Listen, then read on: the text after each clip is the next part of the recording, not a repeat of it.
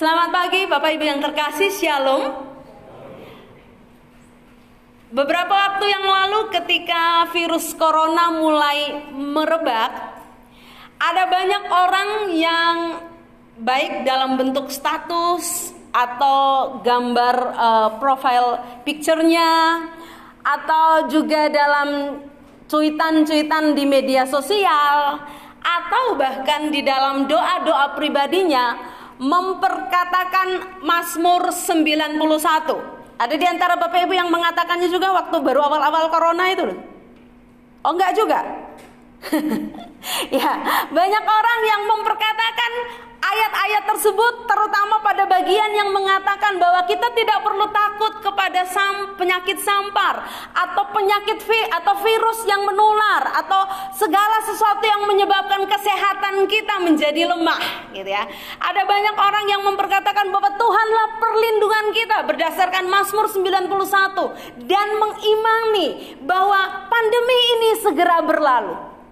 Tetapi hari ini setelah lebih kurang tujuh bulan dan pandemi ini berlalu, masih adakah orang yang memperkatakannya? Atau kita sudah mulai merasa Allah ngomong ayat ini ya percuma, buktinya ya virusnya yang gak pergi-pergi gitu. Mazmur 91 adalah pernyataan iman yang sering kali dipakai oleh banyak orang untuk mengungkapkan imannya kepada Tuhan. Ada dua orang yang saya baca kesaksiannya mengungkapkan ayat tersebut dan mengalami mujizat Tuhan dari kebenaran tersebut. Salah satunya adalah Dodi Austin.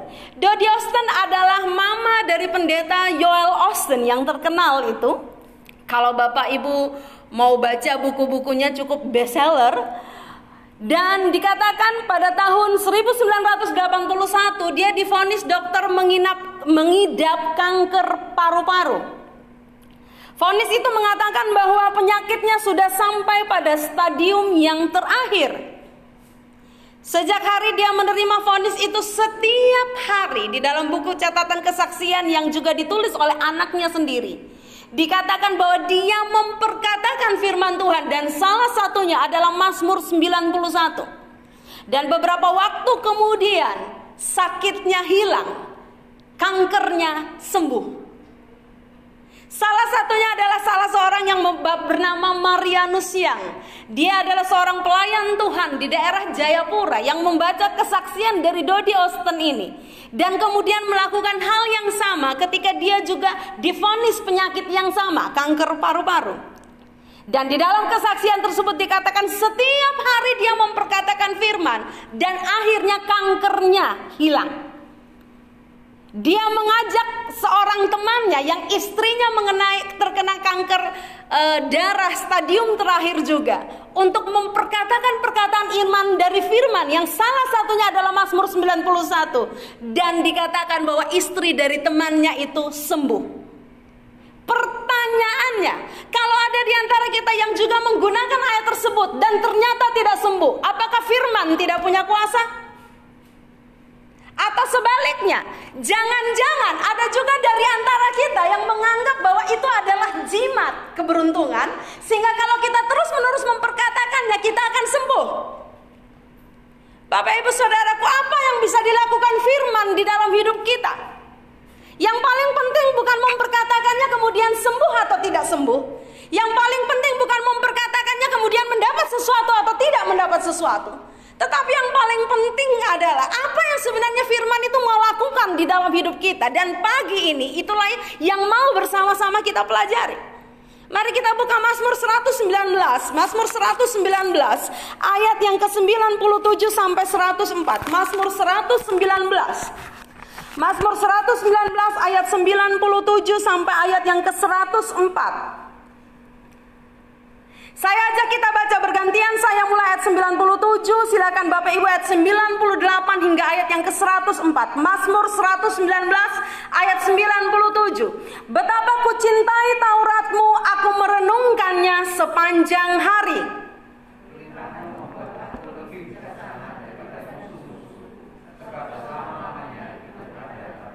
Aku lebih berakal budi daripada semua pengajarku sebab peringatan-peringatanmu kurenungkan.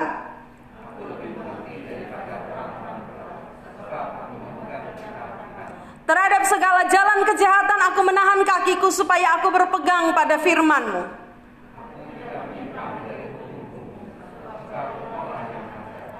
Betapa manisnya janjimu itu bagi langit-langitku lebih daripada madu bagi mulutku. Bersama-sama aku beroleh pengertian dari titah-titahmu. Itulah sebabnya aku benci segala jalan dusta. Pagi ini Mazmur 119 adalah Mazmur yang paling panjang di dalam Alkitab. 176 ayat. Tetapi juga merupakan salah satu Mazmur yang paling banyak berbicara tentang firman Tuhan. Sesuai dengan judulnya bahagia orang yang hidup menurutkan hidup menurut Taurat Tuhan. 176 ayat berbicara tentang apa yang bisa dilakukan firman itu dalam kehidupan pribadi Raja Daud dan juga dalam kehidupan kita hari ini sebagai orang yang percaya kepada Kristus. Bapak Ibu Saudaraku yang terkasih di dalam Tuhan, ayat yang ke-97 Daud mulai dengan mengatakan betapa aku mencintai Tauratmu. Dan wujud dari mencintai Taurat itu adalah aku merenungkannya sepanjang hari. Merenungkan di sini di dalam bahasa aslinya punya makna meditasi, refleksi, devosi atau bagian-bagian dalam peribadatan. Tapi merenungkan di sini juga punya makna lamunan. Jadi ketika dia melamun pun yang dilamunkan itu firman. Merenungkan di sini juga punya makna keluhan. Jadi ketika dia mengeluh kepada Tuhan, dia pun mengeluhnya dengan berdasarkan firman Tuhan. Kalau kita melihat perjalanan kehidupan Daud, sering kali penuh dengan keluhan. Tetapi kalau kita perhatikan di ujung dari Mazmurnya, setelah begitu banyaknya keluhan, adalah selalu ucapan pujian kepada Tuhan. Nah Bapak Ibu Saudaraku yang terkasih di dalam Tuhan Daud begitu suka firman Tuhan.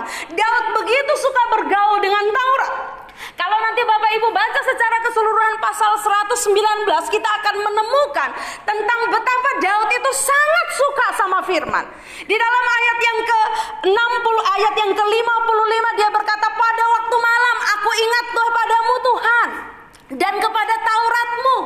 Di dalam ayat 62 dia mengatakan tengah malam aku bangun untuk bersyukur dan merenungkan firmanmu. Ayat 97 dia berkata aku merenungkan firmanmu sepanjang hari. Ayat 147 dia bilang pagi-pagi buta aku bangun dan mencari engkau serta firmanmu.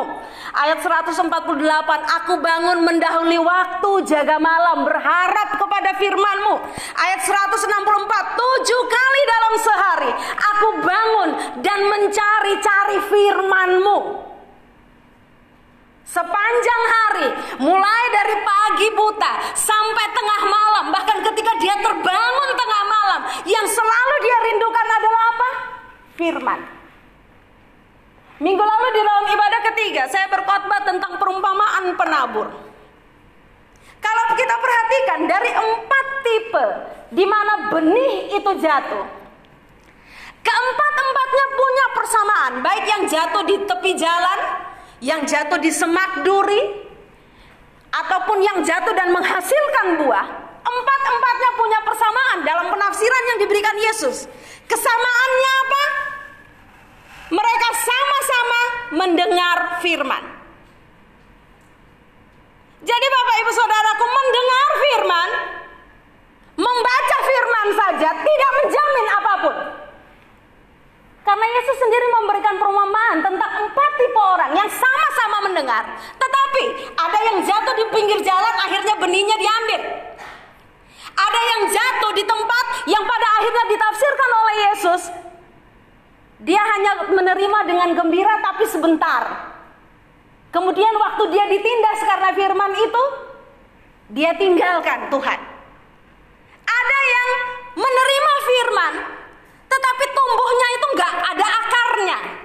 Jadi ketika kekhawatiran datang, berpikir tentang hawa nafsu, membuat dia pada akhirnya murtad dan meninggalkan Tuhan. Dan pendengar yang terakhir yang disebut sebagai tanah yang baik itu adalah pendengar yang mendengar firman dan kemudian melakukannya di dalam kehidupannya. Apa yang hilang dari empat tipe pendengar yang sama-sama mendengar hilang? mendengar firman. Yang hilang adalah proses merenungkan firman. Yang tadi hanya berbuah, yang tadi hanya menerimanya dengan gembira. Dia tidak berpikir terus-menerus tentang firman kalau di dalam terjemahan yang lain. Yang tadi penuh dengan kekhawatiran dan dikuasai oleh hawa nafsu. Karena yang selalu dipikirkan adalah masalahnya dan hal-hal yang membuat dia menjadi sia-sia karena yang dipikirkan di dalam bahasa Inggris yang lebih mudah itu saya katakan mereka berpikir lebih banyak tentang hawa nafsu kekayaan. Yang hilang adalah proses merenungkan firman. Jadi berapa puluh tahun kita ikut Tuhan Kalau kita hanya jadi pendengar Kita bisa berakhir dengan apa? Berakhir dengan hilang ketika ada masalah Berakhir dengan apa? Hilang ketika ada hal-hal yang lebih menggoda dan menarik lainnya Itulah sebabnya Yesaya eh, Yosua 1 ayat 8 maupun Mazmur pasal 1 ayat 3 berkata Di dalam Yosua ayat 1 ayat pasal 1 ayat 8 Tuhan bilang sama Yosua Pegang baik-baik apa yang kamu sudah terima firman itu. Renungkanlah siang dan malam itu katanya. Di dalam Mazmur pasal 1 ayat 3 dikatakan berbahagialah orang yang kesukaannya. Ialah Taurat Tuhan dan yang merenungkannya siang dan malam. Jadi kalau kita hanya dengar firman itu nggak punya kuasa apa-apa walaupun tetap punya kuasa. Yesaya 55 ayat 11. Tetapi kita tidak akan berhasil dengan berakhir dengan menghasilkan buah. Bukan karena Tuhan itu nggak punya kuasa, bukan. Tapi ada hal yang menjadi respon dari kita. Itulah sebabnya kenapa harus mendengar dan merenungkan firman. Itulah sebabnya Daud bilang saya merenungkan firman itu siang dan malam. Sepanjang hari yang saya pikirkan firman. Bahkan ketika saya melamun, saya melamunkan firman. Ketika saya mengeluh, saya mengeluhkan firman. Dan baru kemudian Daud mendapatkan manfaat dari firman. Berdasarkan bacaan kita ada tiga manfaat yang didapat oleh Daud ketika dia bergaul dengan firman. Yang pertama, ayat yang ke-98 sampai ayat yang ke 98 sampai 100. Di sana dikatakan bahwa ketika Daud bergaul dengan firman, dia mendapatkan hikmat. Ada ungkapan yang sama, ada ungkapan dengan makna yang sama, walaupun pemakaian katanya berbeda-beda. Perintahmu membuat aku lebih bijaksana daripada musuh-musuhku. Peringatanmu kurenungkan membuat aku lebih berakal budi dari semua pengajarku. Titah-titahmu kebegang membuat aku lebih mengerti daripada orang-orang tua. Ketika Daud punya firman, bergaul erat dengan firman, Alkitab berkata, dan dia sendiri menyaksikan, dia mendapatkan hikmat untuk hidupnya. Bapak Ibu Saudaraku yang terkasih, kata perintahmu di dalam ayat 98 menunjukkan bahwa firman Tuhan itu bagi Daud semacam aturan atau undang-undang untuk hidupnya yang tidak boleh dikompromikan dalam situasi apa pun. Di rumah saya juga punya aturan. Kapan hari itu mertua saya itu ngomong, Salomo itu nggak bisa kok. Kalau pakai baju atas punya atasan sama bawahan, cuman pakai atasnya itu dia nggak bisa. Dia itu kalau pakai baju harus atas bawah itu seragam. Kalau nggak ada seragamnya dia nggak mau pakai. Karena saya saya biasakan dia dari kecil gitu. Kalau pakai baju ada setelannya, saya selalu mau atas bawah dipakai sama-sama. Supaya kalau bladus bladusnya bareng gitu loh. Terus mertua saya bilang lagi, Salomo itu juga nggak bisa. Kalau baju rumah dipakai buat pergi atau baju pergi dipakai di rumah. Soalnya mamanya selalu biasain gitu. Kalau pergi ini bajunya, kalau di rumah ini. Kalau di rumah jangan pakai baju pergi, kalau pergi jangan pakai baju rumah. Kecuali mamanya yang bilang berubah baru dia mau berubah. Om papanya suruh berubah aja dia nggak mau. Bagi Salomo itu aturan yang punya otoritas. Jadi kalau bukan mamanya yang ubah ini nggak bisa berubah nih. Dan jangan diubah. Begitupun firman bagi Daud. Bukan sekedar aturan, tapi punya otoritas. Itulah sebabnya dia berkata, karena firman Tuhan yang jadi aturannya, maka saya ini lebih berhikmat dari musuh-musuh saya. Selanjutnya juga dikatakan bahwa peringatanmu di dalam ayat yang ke-99. Peringatan pengeriatanmu kurenungkan itulah sebabnya aku lebih berakal budi dari semua pengajarku. Berakal budi di sini dimaksudkan aku punya watak yang lebih baik dan pikiran yang lebih jernih. Kenapa Daud bandingkan dengan pengajar? Karena walaupun seorang itu pengajar, tapi dia itu hanya punya kemampuan atau kepintaran intelektual semata jika yang diajarkan itu bukan firman. Tapi kalau dia punya firman, mungkin usianya masih muda. Pengalamannya belum banyak sebagai seorang pengajar. Tapi dia punya kemampuan, aturan dasar yang menolong dia. Warning dari Tuhan yang menolong dia untuk apa? Menolong dia untuk punya pikiran yang jernih dan watak yang lebih baik. Daud mau berpegang kepada firman karena firman itu tolong dia punya pikiran yang jernih. Dan pikiran yang lebih jernih itu pada akhirnya menuntun dia menghasilkan kelakuan yang lebih baik. Di dalam ayat yang ke-100 Daud berkata, "Aku lebih mengerti daripada orang-orang tua." Walaupun orang tua terlihat banyak pengalaman, usia lebih tua tapi tidak menjamin kedewasaan apa pun. Bagi Daud, yang menjamin pengertiannya lebih baik adalah ketika dia berpegang kepada firman. Hikmat bagaimanakah yang kita butuhkan saat-saat ini? Daud mendapat hikmat dari firman, baik ketika dia menghadapi musuhnya maupun di dalam seluruh pengalaman kehidupannya.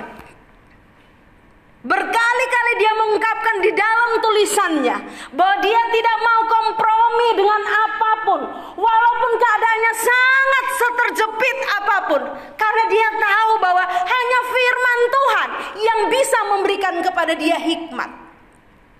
Hari-hari ini kita harus punya hikmat untuk banyak hal di dalam hidup ini. Buat mama-mama yang anaknya belajar dari rumah. Harus punya hikmat bagaimana mengajar anak-anak itu supaya mengerti. Anak saya itu kalau dikasih video sama gurunya dia tonton selesai videonya ditanya kamu tadi nontonnya apa gimana tadi bisa ngerjain nggak nggak bisa jadi sekarang yang harus dilakukan adalah mamanya yang nonton videonya, terus baru diajarin. Karena dia bukan tipe pembelajar uh, visual. Jadi dia tuh kalau nonton gitu terus gak nangkap, tapi dia tuh harus dengar. Jadi mamanya ngomong, karena tipe belajar dia sama saya itu kan sama. Jadi saya ngomong sama dia, terus baru dia paham. Oh begini. Jadi mamanya punya kerjaan tambahan, jadi guru buat anaknya. Butuh hikmat banget. Apalagi pelajaran matematika. Satu, mamane matematika. Papa saya itu guru matematika. Tapi nilai matematikaku jangan ditanya. Lawang faktorisasi prima sama kelipatan aja saya baru belajar waktu Salomo ini lagi kok udah lupa saya waktu itu dia tanya, "Ma faktor prima sama faktorisasi prima itu beda nih." Oh, petomo, saya tak pelajari dulu, cari dulu di Google. Makanya dulu nggak mau jadi yang lain-lain, hamba Tuhan aja nggak pakai hitung-hitungan. Anaknya nurun, matematikanya ya podo wae.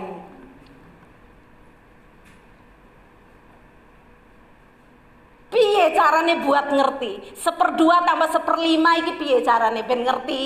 Itu sekarang kan tahu ya dikali silang gitu kan? Lah pertama nih aku ya nggak ngerti ya.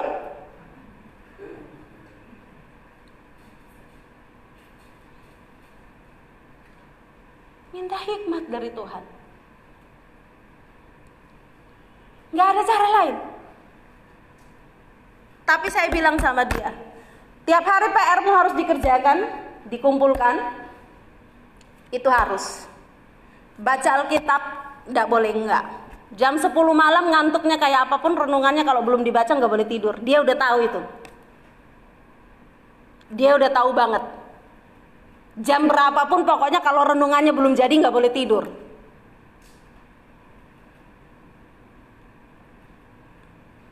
Hari Minggu sekolah Minggu, walaupun hanya nonton di video, nggak boleh lolos.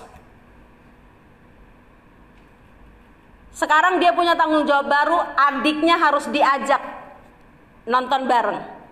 Saya bilang sama dia loh, adikmu itu Eagle One, kamu Eagle Four. Tonton dulu Eagle One, nanti baru Eagle Four. Tidak mau dua kali. Lah terus, tak ajak nonton Eagle Four aja. Lah ya kan adikmu ndak ngerti. Lawang punya dia sendiri juga dia nggak ngerti kok katanya. Eagle One ya dia nggak ngerti ya sudah Eagle Four sekalian toh. Ya, oh ya bener juga ya. Ya udah, pokoknya yang penting mereka berdua. Tiap minggu ndak boleh nggak. Saya kalau pulang, saya selalu sudah selesai sudah. Ceritanya apa? Cerita. Pelajarannya apa? Kasih tahu. Tidak apa-apa matematikanya nilainya jelek karena dia udah berusaha paling maksimal ya dapatnya 70 saya mau apa lagi. Oh saya juga belum tentu bisa. Tapi baca firman nggak boleh longgar, nggak boleh geser. Karena itu hikmat untuk hidupnya. Butuh hikmat untuk pekerjaan. Punya modal aja bingung, apalagi nggak punya. Pekerjaan yang sudah mapan karena pandemik bisa jadi kocar kacir ndak karu-karuan. Yang dulu dicari-cari waktu pandemi eh, nggak dicari. Bisa langsung Dulu berjaya karena bisa ekspor, sekarang mau ekspor apa? Wong tutup semua. Barang baku nggak bisa ngapa-ngapain. Butuh hikmat tuh buat muter. Otaknya biye caranya. Ingat Daud ketika didatangi oleh orang-orang yang berhutang, orang-orang yang penuh dendam, orang-orang yang nggak punya harapan. Ingat cerita itu? Tapi pada akhirnya orang-orang ini akan jadi pasukannya yang luar biasa dalam pertempuran melawan Saul maupun setelah dia jadi raja, bukan? Hikmat dari Tuhan diberikan. Apa yang kita punya hari ini? Kalau ada hikmat dari Tuhan, pasti jadi. Amin. Kalau ada hikmat dari Tuhan, pasti ada jalannya. Boh pie. Saya nggak bisa langsung bilang gini loh jalannya nggak bisa.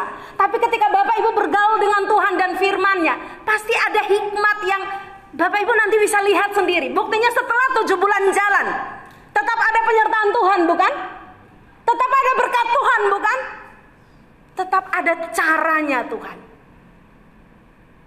Kalau hikmat itu bisa dapat dari Alkitab, kalau hikmat itu dapatnya dari firman, Mari lebih banyak baca dan renungkan firman. Apalagi yang Daud dapatkan? Di dalam ayat yang ke-101 di sana dikatakan terhadap segala jalan kejahatan aku menahan kakiku supaya aku berpegang pada firmanmu. Daud bukan hanya mendapatkan hikmat dari firman, tapi dia juga mendapatkan kekuatan untuk melawan dosa. Bapak ibu saudaraku yang terkasih terjemahan bahasa Inggris yang lebih mudah mengatakan Aku tidak membiarkan kakiku berjalan dalam jalan kejahatan Karena aku menaati firmanmu terhadap hal yang buruk, terhadap hal yang tidak menyenangkan, terhadap hal yang baik menjadi batu sandungan, terhadap hal yang dapat menyebabkan luka, terhadap hal yang bisa membuat tidak bahagia, dan terhadap teror, saya menahan diri saya. Itu kata Daud. Menahan diri di sini bukan berarti Daud itu suci sepanjang hidupnya, enggak. Karena di dalam ayat 102 di sana dikatakan aku tidak menyimpang dari hukum-hukum. Kata tidak menyimpang di sini bukan berarti Daud itu tanpa salah karena kita tahu Alkitab jelas catat tentang dosa Daud. Semua kegagalannya ditulis oleh Alkitab. Tetapi kata tidak menyimpang di sini itu menunjukkan suatu perbuatan yang sudah selesai.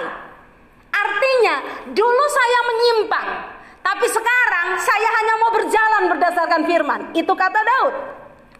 Di dalam ayat yang ke-67, ayat yang ke-67 dari Mazmur 119 di sana dikatakan. Ayat yang ke-67 dari Mazmur 119 di sana dikatakan, "Sebelum aku tertindas, aku menyimpang."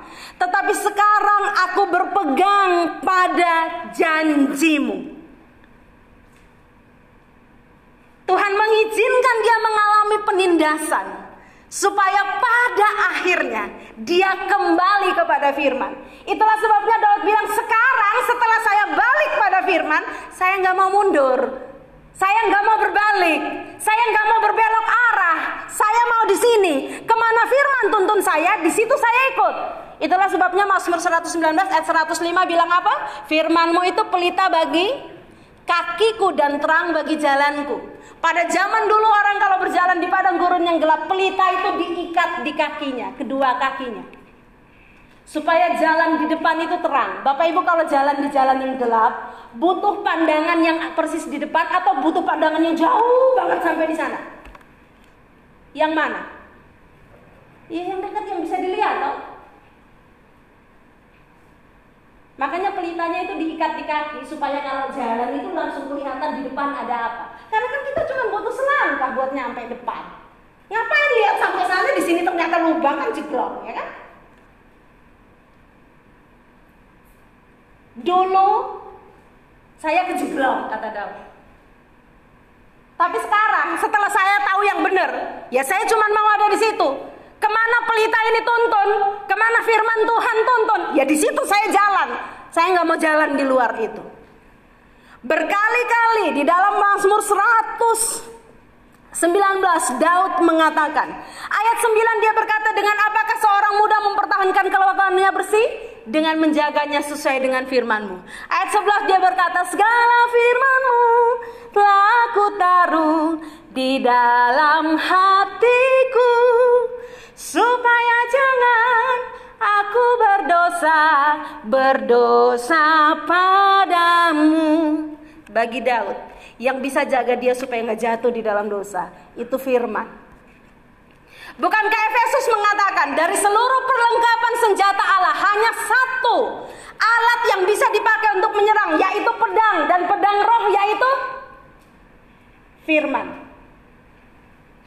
Jadi kalau Bapak Ibu nggak punya firman, Bapak Ibu nggak bisa menang terhadap serangan iblis, godaan dosa nggak bisa. Kalau Bapak Ibu nggak punya firman, Bapak Ibu nggak punya senjata untuk melawan godaan-godaan iblis di dalam hidup ini, nggak punya senjata. Firman yang bisa melepaskan kita dari segala dosa. Firman yang bisa menolong kita mengambil keputusan yang tepat dan benar di saat pilihan yang sulit diberikan kepada kita. Hari ini bukankah belajar di rumah ada kesulitannya sendiri? Benar ibu-ibu yang ngalami? Kalau yang anaknya sudah kuliah mah sakarap mulah me belajar me ora gitu kan. Tapi kalau anak-anaknya masih kayak usia anak saya yang SD itu mau dibuat sakarepe lah piye? Godaannya apa? Sering saya ketemu teman-teman mama-mama godaannya apa? Eh ulangannya kesuwen tak kerja kayak aku wae. Nilainya bagus. Yang penting baru tak takoni ison jawab. Kita sedang ngajarin apa sama anak kita sekarang? Kayaknya sepele tapi nggak sepele loh Prinsip hidup paling penting itu jujur. Anak saya nggak mau. Kalau ulangan saya pasti dampingi, saya pasti di sebelahnya. Soalnya kalau Google Form itu ya, kadang sudah ditunjuk gitu ya. Kok ditunjuk sih? Ya dipilih gitu toh. Waktu narik ke atas ini kan karena touchscreen kan. Waktu narik ke atas itu kadang kan bisa kepencet bawahnya jawabannya itu jadi salah. Jadi saya tuh mau di sebelahnya supaya memastikan dia itu ndak itu. Kadang-kadang ya sudah selesai jawab sampai bawah eh salah pencet baleni jawab meneh dari awal. Makanya untuk menghindari yang kayak gitu gitu saya di sebelahnya. Nah ini mama ini mulutnya kadang keceplosan. Ya toh, lihat dia jawab, lo salah toh bukan itu toh jawabannya. Apa jawabnya anakku? Ya tidak apa-apa memang salah tapi Salomo jujur Tidak mau dirubah. Tidak mau dirubah. Malah sekarang mama diusir. Sudah, aku udah tahu sama caranya. Mama nggak usah lihat. Nanti mama kan mesti komentar. Kemarin mid semester saya lihat nilainya ada yang 70, ada yang 100. Bagi saya bukan masalah, bukan nilai kok. Nilai jujurnya itu loh, jauh lebih mahal dari 100 dan 70 di kertasnya. Minggu lalu dia ada nggak taatnya. Terus saya bilang sama dia, sebelumnya dia udah ngomong sama saya, dia dapat cerita uh, tentang apa dan nilainya apa. Salah satu nilai yang dia dapat dari cerita itu adalah taat sama orang tua. Terus saya bilang begini sama dia, kamu nggak taat sama mama? Kan mama bilang begini, iya. Jadi gimana sekarang? Tadi kan kamu dengar ayat, tadi kan kamu udah dengar toh, yang di Eagle terus kamu bilang salah satu poinnya itu taat sama orang tua. Jawabnya, nek wes kena mama ngomong firman, aku tuh udah nggak bisa apa-apa, Oma. Lah mama mesti gitu, saya tak dapat dari sekolah minggu itu yang dipakai, kok. Lah apa lagi yang mau jaga anak-anak kita? Betul Bapak Ibu? Apalagi sekarang anak-anak dinasihati jauh lebih pinter dari kita, jauh lebih pinter, pasti punya jawabannya. Bener ya Bu Novi ya? Edward yang kecilnya mesti ada jawabannya. Orang tua dapatnya dari mana supaya anak-anak itu bisa lurus? Firman. Suruh mereka baca Alkitab, nasihati dengan firman. Itu baru kita bisa mengendalikan mereka karena bukan kita, tapi firman. Hari ini ada banyak godaan dalam hidup kita. Ada banyak godaan. Saya nggak tahu Bapak Ibu itu hadapi godaan apa saja. Ada teman saya terjebak dengan pornografi dan seks bebas. Dia bilang sama saya, sejak saya terjebak saya nggak mau baca Alkitab. Saya bilang kamu nggak akan pernah keluar dari situ. Lo piye lo saya baca Alkitab saya tahu kok kalau ternyata saya berdosa. Lah justru itu. Kamu nggak punya harapan. Kalau kamu udah jatuh dalam dosa tambah kali nggak mau baca Alkitab. Benar toh? Nek jatuh dalam mesti tidak mau baca Alkitab pes tambah. Alah nanti nek baca Alkitab kok ketegur. Khotbah pendeta Ivan kok nyindir saya emang tahu ya ini dosa saya ya. Tambah tidak baca Alkitab, tambah tidak bisa keluar dari situ. Saya bilang Yesus aja buat menang lawan iblis. Apa yang dipakai oleh Yesus waktu pencobaan di Matius 4? Apa yang dikutip Yesus tiga kali itu? Firman. Semua ada footnote-nya itu dikutip dari mana? Lawang kita tidak mau punya firman. Lah mau iblis pakai apa? Jadi kalau hari ini Anda berdosa dan Anda malah tidak mau baca Alkitab, Anda nggak akan pernah keluar dari situ. Percaya kata-kata saya. Saya udah baca Alkitab, tapi kok saya masih buat terus ya? Itu pilihan. Anda dengan sengaja menyerah. Firman yang bisa lihat buat kita menang lawan dosa. Ayo. Dan yang terakhir, apa yang Daud dapatkan? Bukan hikmat, bukan hanya hikmat, bukan hanya kekuatan untuk melawan dosa. Daud juga mendapatkan pengharapan. Ayat 143 dia berkata, Aku ditimpa kesesakan dan kesusahan, tetapi perintahmu menjadi kesukaanku. Itulah sebabnya dalam ayat 103 dari bacaan kita, dia berkata, Betapa manisnya janjimu itu bagi langit-langitku, lebih daripada madu bagi mulutku. Ayat yang ke-50, inilah penghiburan dalam sengsaraku bahwa janjimu menghidupkan aku. Bapak Ibu, punya firman itu nggak jamin kita nggak ada sengsaranya. Punya firman itu nggak jamin kita nggak kena sakit penyakit. Punya firman itu nggak jamin kita hidup nggak ada sulitnya, nggak jamin.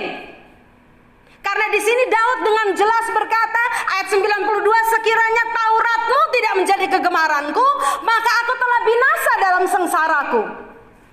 Ayat 116 topanglah aku sesuai dengan janjimu supaya aku hidup dan jangan membuat aku malu dalam pengharapanku. Ayat 154 perjuangkanlah perkaraku dan tebuslah aku. Hidupkanlah aku sesuai dengan janjimu. Ayat 170 biarlah permohonanku datang ke hadapanmu. Lepaskanlah aku sesuai janjimu. Daud mengalami banyak masalah dalam hidupnya. 37 tahun Saul menjadi raja dan 30 tahun ngejar-ngejar Daud.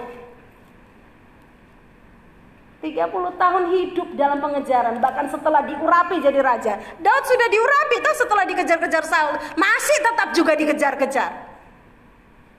Dia juga bukan orang tua yang sempurna, anaknya Absalom memberontak, Adonia bahkan mau merebut tahta. Tetap sulit, tetap banyak pergumulan.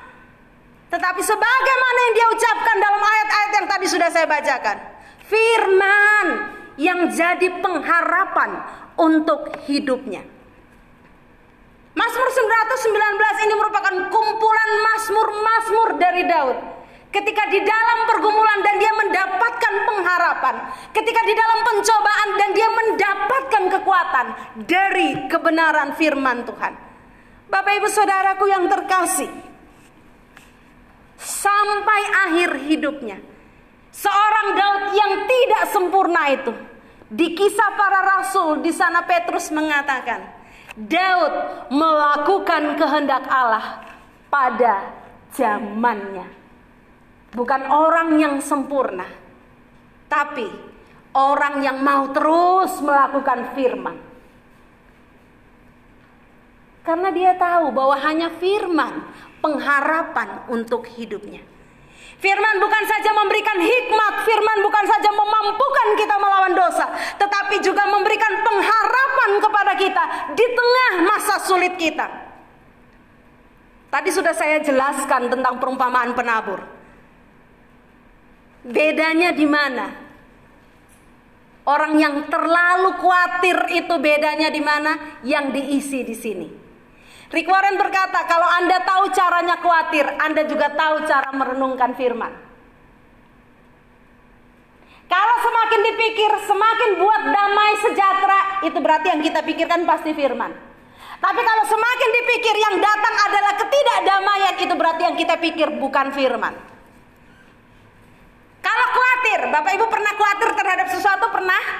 Ada yang tidak pernah khawatir? Boleh angkat tangan? Yang sedang banyak khawatirnya? Oh enggak juga, berarti lumayan lah pas-pasan gitu kan? Waktu Bapak Ibu khawatir tentang sesuatu, dipikirin terus nggak? Sampai ke bawah mimpi tak? Makin pikir makin baik atau makin takut? Lah kok dipikir terus?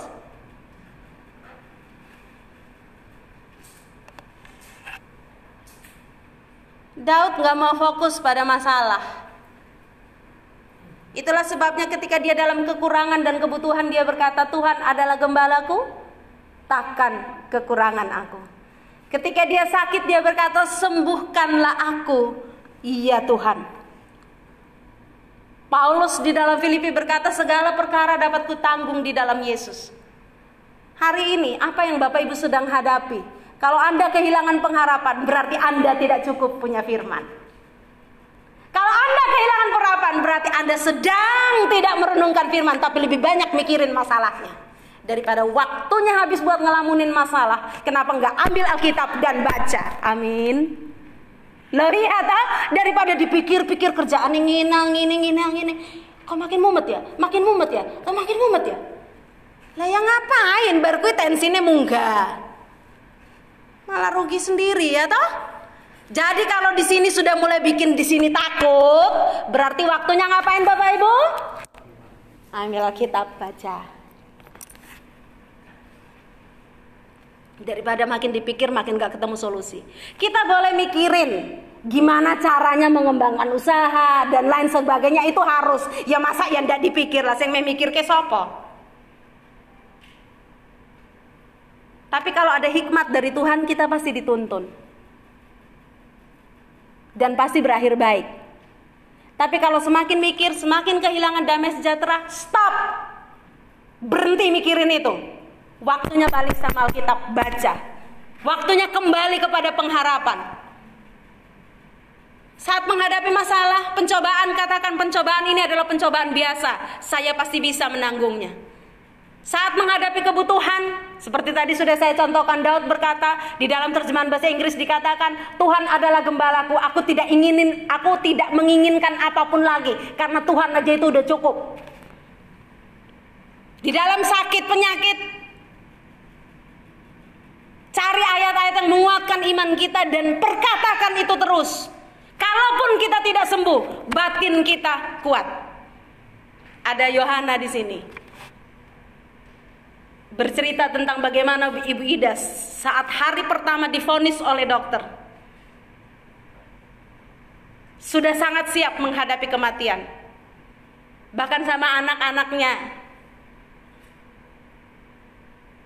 Dia terus memperkatakan, Tuhan itu baik. Orang yang punya firman gak jamin dia sembuh dari sakitnya.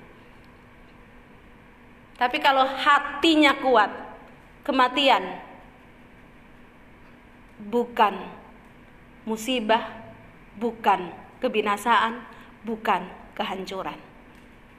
Saya percaya Pak Suhari dan anak-anak akan tetap kuat karena mereka mengenang seorang mama yang sampai akhir hidupnya tetap berkata, "Tuhan itu baik. Amin.